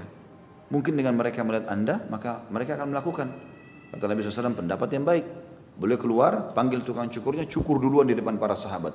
Lalu beliau sendiri buka juga baju ihramnya. Begitu sahabat lihat itu, mereka berlumba-lumba mencukur rambut mereka. Sampai sebagian ada yang luka kepalanya karena buru-buru mencukur. Karena melihat Nabi SAW sudah mencukur rambutnya. Ini pendapat yang bagus. Tapi bukan berarti teman-teman dalam rumah tangga semuanya tanya pendapat istri. Karena dia juga kesian sudah ada tanggung jawab rumah, sudah tanggung jawab anak. Mau tanya juga sarannya, lingkupnya antara rumah, dapur, kamar, rumah. Mengerti apa dia tentang masalah di luar ini berat, nggak usah dibawa pada istri. Jadi ini juga poin, walaupun kita bisa tanya pendapatnya, tapi berikan keringanan. Gitu kan? Dan kita harus jadi pemimpin di sini. Kita di luar punya masalah, kita pecahkan permasalahan di tengah masyarakat. Pulang ke rumah juga begitu, kita juga pecahkan permasalahan. Saya kalau pulang rumah saya tanya istri saya, ada masalah apa? Masalah ini. Masalah saya banyak di luar. Tapi saya begitu pulang saya tanya lagi masalah dia, saya pecahin masalah dia. Memang saya pikir laki-laki tugasnya begini. Di sini kita pecahin masalah, di sana kita pecahin masalah, kita berikan saran-saran, ya begitu. Tapi kalau kita selalu menuangkan kepada orang lain saja dan kita sendiri tidak pecahkan, maka hilang sifat kepemimpinannya. Gitu kan? Bisa ditangkap pesannya ini? Hah? Khusus sebelah sini saja. Kenapa saya singgung ini teman-teman sekalian? Karena banyak orang yang salah. Dia begitu menikah, mungkin bentuk sayang pada istri dijadikan istri sebagai pemimpin. Semuanya keputusan tangan istrinya. Walaupun kadang-kadang mau beli sesuatu, sebentar saya tanya istri saya dulu. Masa mau beli pakaian dalam tanya istri ngapain? Hah? Ini sudah sunat belum ini? Aneh betul. Mau beli pakaian dalam, mau beli ini, tanya istri. Tugas kita beli, kasih ke istri, nikmati fasilitasnya. Antum mau beli mobil, beli saja mobil langsung, selesai. Ini ya, mobil saya sudah belikan, silakan pakai, selesai. Biasakan begitu. Jadi istri juga bakti sama dia. Tentu di sini bukan masalah egoisme, tapi masalah pertimbangan sebagai seorang pemimpin. Dan pemimpin harus cuma satu. Pemimpin sholat cuma satu, tidak ada dua imam. Bingung orang ikutin nanti. Pemimpin perang cuma satu. Pemimpin safar cuma satu, pemimpin negara cuma satu, dan keputusan mutlak di tangan dia. Karena dianggap dia bijaksana, maka dia menentukan itu. Ini poin penting dalam berhubungan masalah kepemimpinan itu. Supaya tidak salah. Tapi sekali lagi, di sini tidak ada otoriter. Bukan otoriter, tapi bagaimana dia meletakkan dirinya pada tempatnya. Sehingga betul-betul yang dia naungi istri sama anaknya terlindungi, mendapatkan fasilitasnya, mendapatkan haknya. Juga dari sisi lain mereka menghormati si suami ini karena penentu keputusan. Istri selalu tanya, bagaimana pendapatmu tentang ini? Saya mau beli ini bagaimana? Saya mau berteman sama ini bagaimana? Itu wajar. Dia bertanya kepada pemimpinnya. Tapi kita pemimpin jangan tanya kepada istri. Kecuali kita butuh saran tadi saya bilang. Dan kita anggap istri kita layak untuk itu. Nanti memang berhak untuk akalnya dewasa ya. Tapi kalau masih anak-anak, Kadang-kadang ada suami umurnya 40 tahun, istrinya 25 tahun. Tanya pendapat 25 tahun dengan 40 tahun. Bagaimana bisa nyambung ini? Beda 15 tahun. Akhirnya pendapat istrinya yang disampaikan tidak sesuai dengan apa yang dia sedang hadapi di luar. Atau kita simpulkan urusan pekerjaan kita yang rumit luar biasa di luar dengan utang orang tidak bayar. Kita bawakan ke istri diceritakan setengah jam. Kasus sudah lima tahun kita hadapi. Bagaimana dia akan simpulkan kasus lima tahun dengan setengah jam dia fahami? Ya mungkin. Sedangkan sesama laki-laki saja yang sudah punya jiwa kepemimpinan, saya cerita sekarang sama teman saya setengah jam urusan saya lima tahun. Gak mungkin dia bisa faham langsung. Dia kasih kesimpulan ya setengah jam itu kan gitu.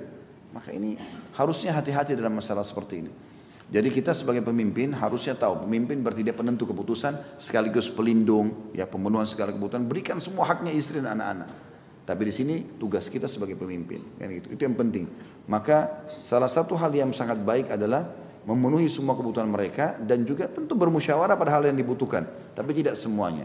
Sehingga ada banyak e, wanita karena suaminya suka bilang bagaimana pendapatmu, bagaimana pendapatmu, sekali nggak ditanya tersinggung. Lo kok langsung tadi dari kantor ke mana? Tadi ke rumah ibu saya. Kok nggak bilang sama saya? Loh, kok ke rumahnya ibu harus izin sama istrinya? Gimana modelnya ini? Tanda-tanda hari kiamat ini. Masa mau bakti sama ibu izin sama istri dulu? Jadi kalau istri tidak mau bagaimana? Enggak pergi sama ibunya. Ini yang terjadi. La haula wa la quwata illa billah. Udah, biasakan dia faham. Begitu kita pulang, Tadi dari eh, biasanya pulang jam 5 kok sekarang telah jam 6. Oh tadi saya ke tempatnya ibu sebentar. Selesai. Istri juga sudah paham. Oh berarti dia sudah lakukan yang terbaik pasti buat dia. Karena kepemimpinannya ada. Tapi kalau dia sudah terbiasa melibatkan akan jadi masalah.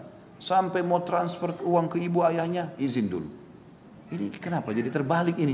Istri izin, iya suami izin. Bagaimana modelnya ini? Saya dulu waktu awal nikah, istri saya sempat bilang sama saya. Kadang-kadang kalau ada saya beli barang, saya bawa ke rumah langsung. Saya kalau mau beli sendok, saya mau beli piring, saya mau beli gelas, saya musyawarah dulu. Kok kalau ini sekarang aku nggak diajak bermusyawarah? Karena beli sofa tuh saya sempat beli sofa gitu kan. Saya dudukin dia. Fungsi saya di sini pemimpin. Saya tahu di rumah ini nggak ada sofa. Kami dulu pakai kursi ada rotan dari Bogor, bagus sebenarnya. Tapi saya lihat kecil untuk tamu nggak bisa. Ada tetangga mau jual sofa, dia jual murah, mau pindah ke Jawa. Saya langsung beli, orangnya buru-buru. Saya bayar langsung saya bawa ke rumah. Gitu. Dia minta kenapa nggak musyawarah sama dia. Terus saya bilang, tetangga ini sudah mau berangkat dan dia butuh uang. Di rumah butuh sofa, saya beli. Tugas kamu menikmati. Selesai Kenapa harus jadikan masalah ini? Itu dia bilang, karena saya kalau beli sendok, beli ini saya musyawarah. Kau musyawarah sama saya wajar. Jangan saya musyawarah sama kamu ini. Jangan terbalik. Bisa ditangkap gak pesannya? Ini bukan masalah otoriter ya, tapi ini akan stabil rumah tangga kalau pemimpin pada tempatnya, yang dipimpin juga pada tempatnya. Ini boleh bermusyawarah, ini jangan semuanya bermusyawarah. Itu kan? Maka saya jelaskan baik-baik pada saat itu. Kalau ini harusnya begini, harusnya begini, harusnya begini. Dan ini nyaman kok. Ibu-ibu juga nyaman kan? Suami tinggal siapin fasilitas, tinggal kayak ratu-ratu saja. Jalan, ada mobil tinggal pakai, ada rumah tinggal. Tidak usah banyak protes. Hah? Nanti dengan begitu dicintai sama suami. Kalau sedikit protes ini harus dengan izinnya. Kalau enggak ngambek, pindah kamar sebelah, kamarnya anak-anak. Dilaknat oleh malaikat. Dilaknat oleh malaikat nggak boleh. Ngambek kenapa? Karena suaminya nggak ajak dia musyawarah. Akhirnya pindah ke kamar sebelah. Bagaimana cara? Nabi SAW mengatakan istri mana pun yang meninggalkan ranjang suaminya maka dilaknat sampai pagi. Nggak boleh. Makanya biar kamarnya bagus pakai AC marmer semua ranjangnya mahal tetap nggak bisa tidur tuh gelisah. Karena dilaknat hidupnya. Jadi harus tempatkan pada tempatnya masing-masing. Jelas gak ini laki-laki? Ah, kayak kodok istrinya marah. Ya, saya kadang-kadang heran lihat laki-laki begitu. Istrinya marah-marah dia di pojok kayak anak kecil ketakutan. La haula wala quwata Bagaimana modelnya itu? Ada seorang bapak pernah bilang sama saya begitu. Padahal dia subhanallah salah satu anggota militer. Hmm. Saya Ustaz cerai sama istri saya. Oh iya Pak, saya mau cerita sedikit, silakan duduk sama saya ngobrol. Punya jabatan tinggi, masya Allah. Orangnya kekar, tinggi besar, ngobrol sama. Terus dia bilang saya cerai sama istri saya, sekarang saya sudah nikah lagi. Oh iya pak, apa yang mau ditanyain? Kira-kira saya berdosa nggak ceraikan istri saya ini? Kenapa? Dulu Ustaz kalau dia marah-marah, saya jadi hilang pangkat saya. saya tinggal taruh tangan saya di di perut saya lalu saya dengar iya mah, iya mah. Sekarang saya ceraikan, bagus pak ceraikan. Tuh. Cerai saja kalau begitu. kalau saya diminta saran tidak bisa. Bagaimana caranya dihardik seperti anak kecil ini? Tidak boleh dibiasakan. Akhirnya jadi masalah kan gitu. Harus ada pemimpin. Dan tidak ada yang rumah tangga teman-teman. Kita juga sebagai seorang rumah pemimpin bukan kita hardik istri. Dudukin dia harus kau dengar gini. Enggak. Sampaikan dengan baik. Enggak boleh lo begini karena Allah larang. Enggak boleh begini karena... Saya begitu polanya di rumah. Ini enggak boleh karena Allah larang. Berhenti cepat. Gitu. Kalau jalan dengan saya silahkan. Enggak bisa jalan sama saya silahkan. Pintu terbuka. Jadi harus ikutin. Jadi Pak biar jelas kalau enggak akan akan rancu semua rumah tangga itu. Faham gak ini? Alhamdulillah. Cuma tiga hari tiga orang yang faham tapi nggak apa-apa.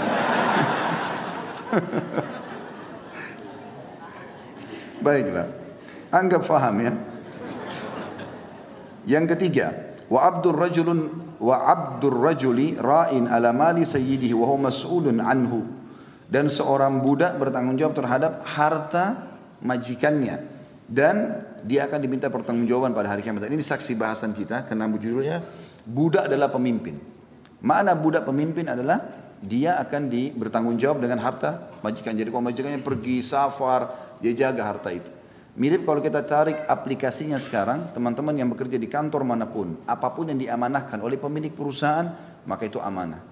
Jaga, itu pertanggungjawaban. Mau pulpen kah, mau baju kaos kah, mau apa saja, komputer, izin semuanya. Mau pakai, tanya dari awal. Ini handphone dikasih. Handphone ini khusus buat kantor atau bisa saya pakai yang lainnya. Oh boleh silakan. Kalau kebutuhan keluarga boleh nggak? Boleh silakan. Kalau oh, nggak boleh ini untuk kartu saya jangan mobil dinas, motor dinas. Ini motor sama mobil bisa nggak saya pakai kalau hari weekend saya antar istri saya, anak saya jalan. Oh nggak boleh, ini kena buat kantor. Baik. Kalau hari libur Anda tinggalkan di kantor, tinggalkan di kantor. Naik mobil yang lain, banyak. Ya. Jangan pakai, karena ini berbahaya. Tanggung jawab semua. Semua harta majikan atau harta sekarang pemimpin yang diamanahkan. Kalau zaman kita sekarang itu tadi handphone, eh, komputer, apa segala macam ini jadi tanggung jawab. Saya pernah kasih contoh itu ya. Kalau masih ingat, hanya orang dikasih pulpen nih oleh kantornya. Semuanya sudah disiapin. Satu dus, dua belas, satu lusin pulpen untuk dipakai untuk sama dia anggarannya satu tahun atau enam bulan. Bawa pulang ke rumah. Kasih bagi keponakan-ponakan semua. Kenapa di kantor banyak? Memang banyak tapi untuk kantor. Bukan untuk kita. Kan nggak boleh sama sekali teman-teman. Ingat, satu lembar kertas yang anda bawa dari kantor, ini untuk kerja di kantor, dibawa ke rumah, hanya untuk dipakai gambar buat anak kita saja nggak boleh. Nggak boleh. Karena memang itu diamanahkan untuk kantor. Kecuali kita minta, saya butuh kertas ini. Saya mau bawa ke rumah, bisa nggak? Kalau bukan pemilik perusahaan, mungkin siapa yang bertanggung jawab di situ? Ini bisa nggak? Bisa. Kalau dia diizinkan, berarti dia bertanggung jawab. Kita lepas tanggung jawab hari kiamat. Maka harus hati-hati teman-teman. Hati-hati sekali dalam masalah ini. Karena banyak orang anggap remeh Bahkan ada orang dengan fasiknya naudzubillah tinggalkan kantor orang bawa segala macam barang-barang mencuri. Bawa ini, bawa itu. Sedangkan kita masih terikat akad saja nggak boleh sembarangan. Apalagi kalau sudah kita keluar kemudian kita membawa barang-barang ini nggak boleh sama sekali. Ya. Dengan alasan mengatakan oh itu kan hasil karya saya nggak bisa. Kamu kan digaji buat buat hasil karya. Gimana kacaunya perusahaan kalau setiap orang punya hasil karya lalu dia pergi dia bawa semuanya. Ini kan tidak boleh. Ini semua ada bertanggung jawab depan Allah hari kiamat. Hati-hati. Lalu Nabi ingatkan kembali. Setelah menyebutkan rincian ini beliau mengatakan ala kullukum ra'in. Ingat kalian semua adalah pemimpin. Kalau punya jabatan-jabatan ini wa kullukum mas'ulun an ra'iyati. Dan kalian semua pasti akan diminta pertanggungjawaban oleh Allah pada hari kiamat. Sekecil apa pun akan diminta pertanggungjawabannya. Hadis terakhir dalam bab kita ini dan kita buka pertanyaan setelah ini insyaallah adalah hadis 207 Imam Bukhari berkata rahimahullah, Ahmad bin Isa mengabarkan kepada kami ia berkata, Abdullah bin Wahab mengabarkan kepada kami ia berkata, Makhrama bin Bukair mengabarkan kepadaku dari ayahnya, An Abdullah bin Sa'ad maula Aisyah zawjin Nabi sallallahu alaihi wasallam qal sami'tu Abu Hurairah radhiyallahu anhu yaqul al-'abdu idza ata'a sayyidahu faqad ata'a Allah azza wa jalla atau faqad ata Allah azza wajal fa idza asa sayyidahu faqad asa Allah azza wajal atau faqad asa Allah azza wajal dari Abdullah bin Sa'ad maula Aisyah radhiyallahu anha istri Nabi sallallahu alaihi wasallam ia berkata aku mendengar Abu Hurairah berkata radhiyallahu anhu jika seorang budak mentaati tuannya maka dia telah mentaati Allah yang maha suci dan maha pemurah atau maha mulia dan jika dia melawan tuannya atau membangkang maka dia telah melawan Allah yang maha suci dan maha pemurah. Kandungan hadis ini, seorang budak tanggung jawabnya adalah menjaga harta majikan serta melayaninya. Budak yang menunaikan berbagai tanggung jawab tersebut adalah orang yang taat kepada Robnya. Sedangkan budak yang berkhianat dan lalai dalam melayani majikannya, maka dia adalah orang yang durhaka kepada Allah yang maha tinggi atau Allah Ta'ala. Hadis ini teman-teman adalah hadis yang mulia juga menguatkan atau menjelaskan tentang masalah bagaimana seorang budak atau sahaya itu kalau tadi kita bilang secara status beda dengan staf atau pegawai tetapi secara aplikasi bisa masuk dalam kesamaan di sini ya untuk mendapatkan pahalanya tentunya. Dalam hadis ini dipatok oleh Nabi SAW kalau siapa pun di antara budak yang telah mentaati majikannya bukan pada kemaksiatan maka berarti dia telah mentaati Allah. Siapa yang membangkang pada majikannya, ya, maksudnya dalam aplikasinya tentu pemilik perusahaan, peraturan segala macam, maka dia telah bermaksiat kepada Allah. Kita rincikan dulu hadis ini, dimulai dari potongan kalimat An Abdullah bin Sa'ad Maula Aisyah radhiyallahu anha ummul mu'minin. Ini dulu kita garis bawahi. Abdullah bin Sa'ad disebutkan maula. Masih ingat nggak hukum maula ini? Hah? Apa coba? Ada yang bisa sampaikan?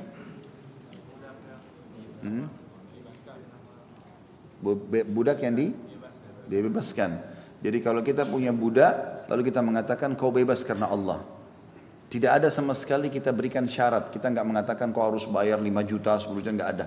Kita cuma memang lillahi ta'ala. Kau bebas karena Allah misalnya.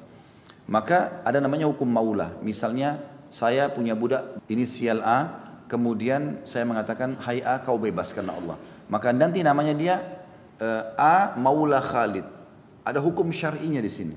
Hukum syar'inya adalah kalau si budak ini kaya raya kemudian dia meninggal, saya termasuk ahli warisnya. Gitu. Karena ada hukum maula. Jadi begitu. Ini bisa terjadi pada laki-laki dan perempuan. Terbukti di sini, kenapa saya bilang perempuan juga? Karena perhatikan, ini seorang laki-laki namanya Abdullah bin Sa'ad. Maulanya siapa? Aisyah radhiyallahu anha. Aisyah perempuan. Berarti Aisyah pernah membeli budak ini, kemudian mengatakan kau bebas karena Allah. Makanya ada hukum maula di sini. Rupanya dia, ini potongan pertama ya. Potongan keduanya, Abdullah bin Sa'ad ini pernah mendengar langsung dari Abu Hurairah. Nah, dalam ilmu hadis ini, kalau orang bilang mendengar, melihat, ini kuat sekali kedudukan hadisnya. Berarti dia dengar langsung. Dia lihat langsung. Beda dengan kalau dia bilang dinukil kepada saya, itu lain. Tapi kalau mendengar ya atau uh, melihat ini adalah sesuatu yang sangat kuat. Maka budak ini, mantan budaknya Aisyah mendengar langsung dari Abu Hurairah radhiyallahu anhu ajma'in. Ini potongannya. Berarti masalah kasus mendengar ini terkuat dalam sanad atau dalam penjelasan hadis. Kemudian yang ketiga, Penjelasan rincian hadis jika seorang budak mentaati tuannya, dia telah mentaati Allah Azza wa Jalla. Potongan ini di garis bawahi dulu ini bagian ketiga. Berarti Allah subhanahu wa ta'ala menggantungkan ketaatan kepadanya pada ketaatan pada makhluk. Ini ada hukum sendiri ya. Seperti contoh kasus, kita bakti sama orang tua kita. Ibu-ibu sekarang bakti atau patuh sama suaminya anak-anak pada orang tua tadi saya bilang. Nah ini teman-teman harus kita fahami poin penting. Ini sebenarnya masalahnya sensitif sekali untuk membedakannya.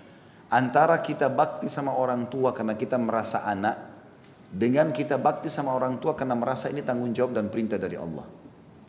Yang pertama itu karena masalah perasaan saja. Oh ini orang tua saya, ibu saya, ayah saya, saya bakti. Kalau sebatas itu belum ada pahalanya. Tapi kalau kita pindah ke poin sebentar di, di, yang satunya digeser saya sedikit, saya bakti kepada orang tua saya karena Allah yang perintahkan. Maka semuanya pahala. Karena bedanya adalah kalau yang pertama ini karena manusia kita bisa mengikuti perasaan kita. Kapan orang tua kita tuh baik sama kita, kita bakti sama dia. Kapan orang tua kita kasar atau membuang kita dari kecil, kita tidak akan bakti. Tapi kalau digeser tadi kepada bakti karena Allah Subhanahu wa taala, maka dalam keadaan apa pun kita akan bakti. Mau kita ditinggal dari kecil, kita ketemu nanti sudah dewasa sama orang tua kita, tetap kita akan bakti sama dia. Maka poin ini penting. Makanya Allah subhanahu wa ta'ala melalui Nabi Muhammad SAW menghubungkan antara ketaatan seorang budak dengan ketaatan kepada Allah. Artinya jadikan kau taat sama majikanmu itu ya justru karena Allah menyuruh kau. Bukan karena dia. Sehingga kalau majikan kita tidak baik, maka kita benci dia. Kalau dia baik, maka kita baru senang. Enggak. Kalau adalah hukum dari Allah SWT. Allah suruh tetap kita bakti. Begitu juga dengan istri pada suaminya. Bukan dia lihat suaminya. Tapi dia lihat perintah Allah di situ. Kalau kita lakukan karena Allah teman-teman tidak ada kejenuhan. Dan ini poin yang dimaksudkan di sini. Siapa yang mentaati orang yang telah Allah perintahkan untuk ditaati, pemimpin negara misalnya tadi suami bagi istri, orang tua bagi anak-anak, majikan tadi bagi e, budak ini, karena Allah maka dihitung dia sudah taat kepada Allah. Artinya dicatat pahala. Ibadah. Ya, jadi kalau ibu-ibu niat dari awal memang mau bakti sama suaminya karena Allah maka selama hidupnya maka dia akan dicatat pahala karena dia seperti orang yang terus menunggu instruksi apa dari suami yang saya akan jalankan. Begitu juga anak-anak pada orang tua, begitu juga masyarakat pada pemimpinnya, begitu juga budak tadi atau staff kita katakan yang lainnya secara aplikasi tentunya bukan status itu dalam Eh, kepada majikan atau kepada atasannya. Potongan yang terakhir yang keempat adalah dan barang siapa yang melawan tuannya, membangkang, ya, berkhianat, masuk dalam semua makna ini, mencurangi maka dia telah melawan atau membangkang kepada Allah Subhanahu wa taala. Berarti kita kalau hianati pemimpin, kita kalau hianati atau kita kalau bangkang sama orang tua, bangkang sama suami, ini semua berarti kita bangkang kepada Allah Subhanahu wa taala. Allah yang hubungkan itu. Maka harus hati-hati karena Allah menjadikan orang-orang ini ya sebagai penyebab kita masuk dalam surga. Bapak Ibu sekalian, jadilah anak yang berbakti sama orang tua, istri yang bakti sama suaminya, bawahan bakti sama atasannya. Ini semasa kita hidup saja. Sabar sedikit. Insya Allah setelah itu kita akan lepas dari tanggung jawab depan Allah hari kiamat. Karena kalau kita membangkang, dihitung maksiat kepada Allah. Dan ini betul memberatkan timbangan dosa kita. Ini berbahaya sekali. Untuk apa kita membangkang pada hal yang tidak dibutuhkan? Sampai kata ulama kalau orang tua itu marah-marah, caci maki, kita tidak boleh membantah. Jangan bantah. Tugas kita bukan membantah. Tugas kita adalah patuh sama dia. Ya sudah kita sabarin sebagai bentuk ketaatan kepada Allah Subhanahu wa taala. Karena tidak ada sesuatu yang terjadi di muka bumi ini teman-teman kecuali ada penyebab dosanya. Sebagian salafus saleh berkata begini. E, mudah-mudahan teman-teman tim sudah mengangkat itu di YouTube ya. Ada kajian saya setiap Jumat di Mboberek itu Jumat ke berapa kita? Ketiga ya, ke satu sama tiga. Kita membahas buku Ad-Da' wa Dawa bukunya Ibnu Qayyim rahimahullah tentang masalah penyakit hati. Itu sampai dinukil Ibnu Qayyim rahimahullah dengan statement yang sangat bagus, rincian yang sangat bagus tentang efek dosa. Ini banyak orang tidak sadar. Banyak sekali fasilitas hilang dari kita teman-teman justru karena dosa yang kita lakukan kepada Allah Azza wa Antum kalau punya masalah dalam hidup ini, masalah apa pun, tidak usah dulu lihat kenapa orang ini lakukan pada saya, tapi muhasabah dengan Allah Subhanahu wa taala. Kalau ada urusan kita salah dengan Allah ini berarti itu sebabnya sudah selesai. Tapi kalau kita sudah muhasabah sama Allah tidak ada berarti Allah mau hukum orang itu. Itu sudah sederhana kok. Jadi nggak usah repot-repot memperbaiki nama kita sana sini nggak usah. Muhasabah dengan Allah. Oh ternyata memang saya buat begini. Perbaiki ini Allah perbaiki semua yang lainnya. Nggak usah banyak-banyak buang energi. Kata beliau, sebagian salafus saleh ada yang mengatakan saya kena musibah ini justru karena dosa 40 tahun lalu yang saya lakukan. Bahkan Ibnu Qayyim mengatakan, tidakkah kalian menyadari bahwasanya Nabi Ayub alaihissalam diuji oleh Allah dengan penyakit kustanya, justru karena salah satu masyarakatnya datang minta tolong kepada beliau untuk ditolong dari orang yang zalim, lalu beliau menundanya atau tidak tidak memenuhinya. Maka Allah mengujinya. Sebagian salafus saleh kalau lewat di sebuah tempat tercium bau busuk di hidungnya saja, lewat tercium bau busuk, dia beristighfar kepada Allah. Ada apa ini? Kenapa Allah sampaikan ke saya bau busuk ini? Kakinya kesentuh batu, astagfirullah. Ada masalah apa ini? Allah ingatkan. Bahkan pernah terdengar guntur, terdengar guntur yang besar di langit di zaman Nabi SAW. Nabi ingatkan, ingat ini peringatan tegas dari Allah yang di langit untuk penduduk bumi. Ada masalah kalian ya sehingga guntur ribut di atas tuh. Sampai seperti itu. Ya. Dan Allah SWT sebutkan dalam surah Ar-Ra'ad itu. Surah nomor 13. Tentang masalah guntur dan ya, petir segala macamnya Allah ingatkan. Kalau itu peringatan dari Allah Subhanahu wa taala. Jadi semuanya itu dijadikan sebagai bahan muhasabah. Maka ini poin penting teman-teman sekalian, ya. Jadi kalau ada kemaksiatan kepada Allah itu berefek kepada hal-hal yang lain. Bahkan pernah saya nukil kan, pernah saya sampaikan statement sebagian salah mengatakan aku melihat aku mengatakan aku punya dosa kepada Allah kalau aku lihat perubahan sikap dari pasangan hidupku, tungganganku dan juga tikus yang masuk ke dalam rumahku. Kenapa tikus dia sebutkan? Karena tikus secara khusus hewan yang boleh dibunuh. Ya. Dan Nabi SAW berikan nama Fuwaisiq. Binatang yang buruk. Ya, kata Nabi SAW, lima hewan bunuhlah di wilayah haram dan di luar haram. Ya, di wilayah Mekah, Madinah ataupun di luar dua wilayah ini.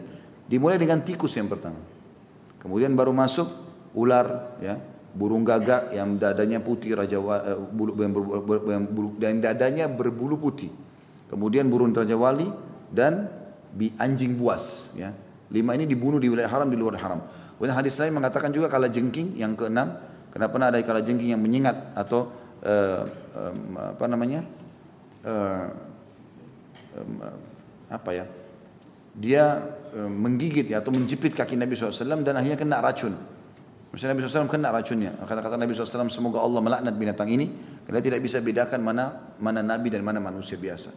Kemudian juga cecak yang Nabi SAW mengatakan sampai membunuh cecak ini yang ketujuh ya maka dengan satu pukulan dia akan mendapatkan 100 pahala.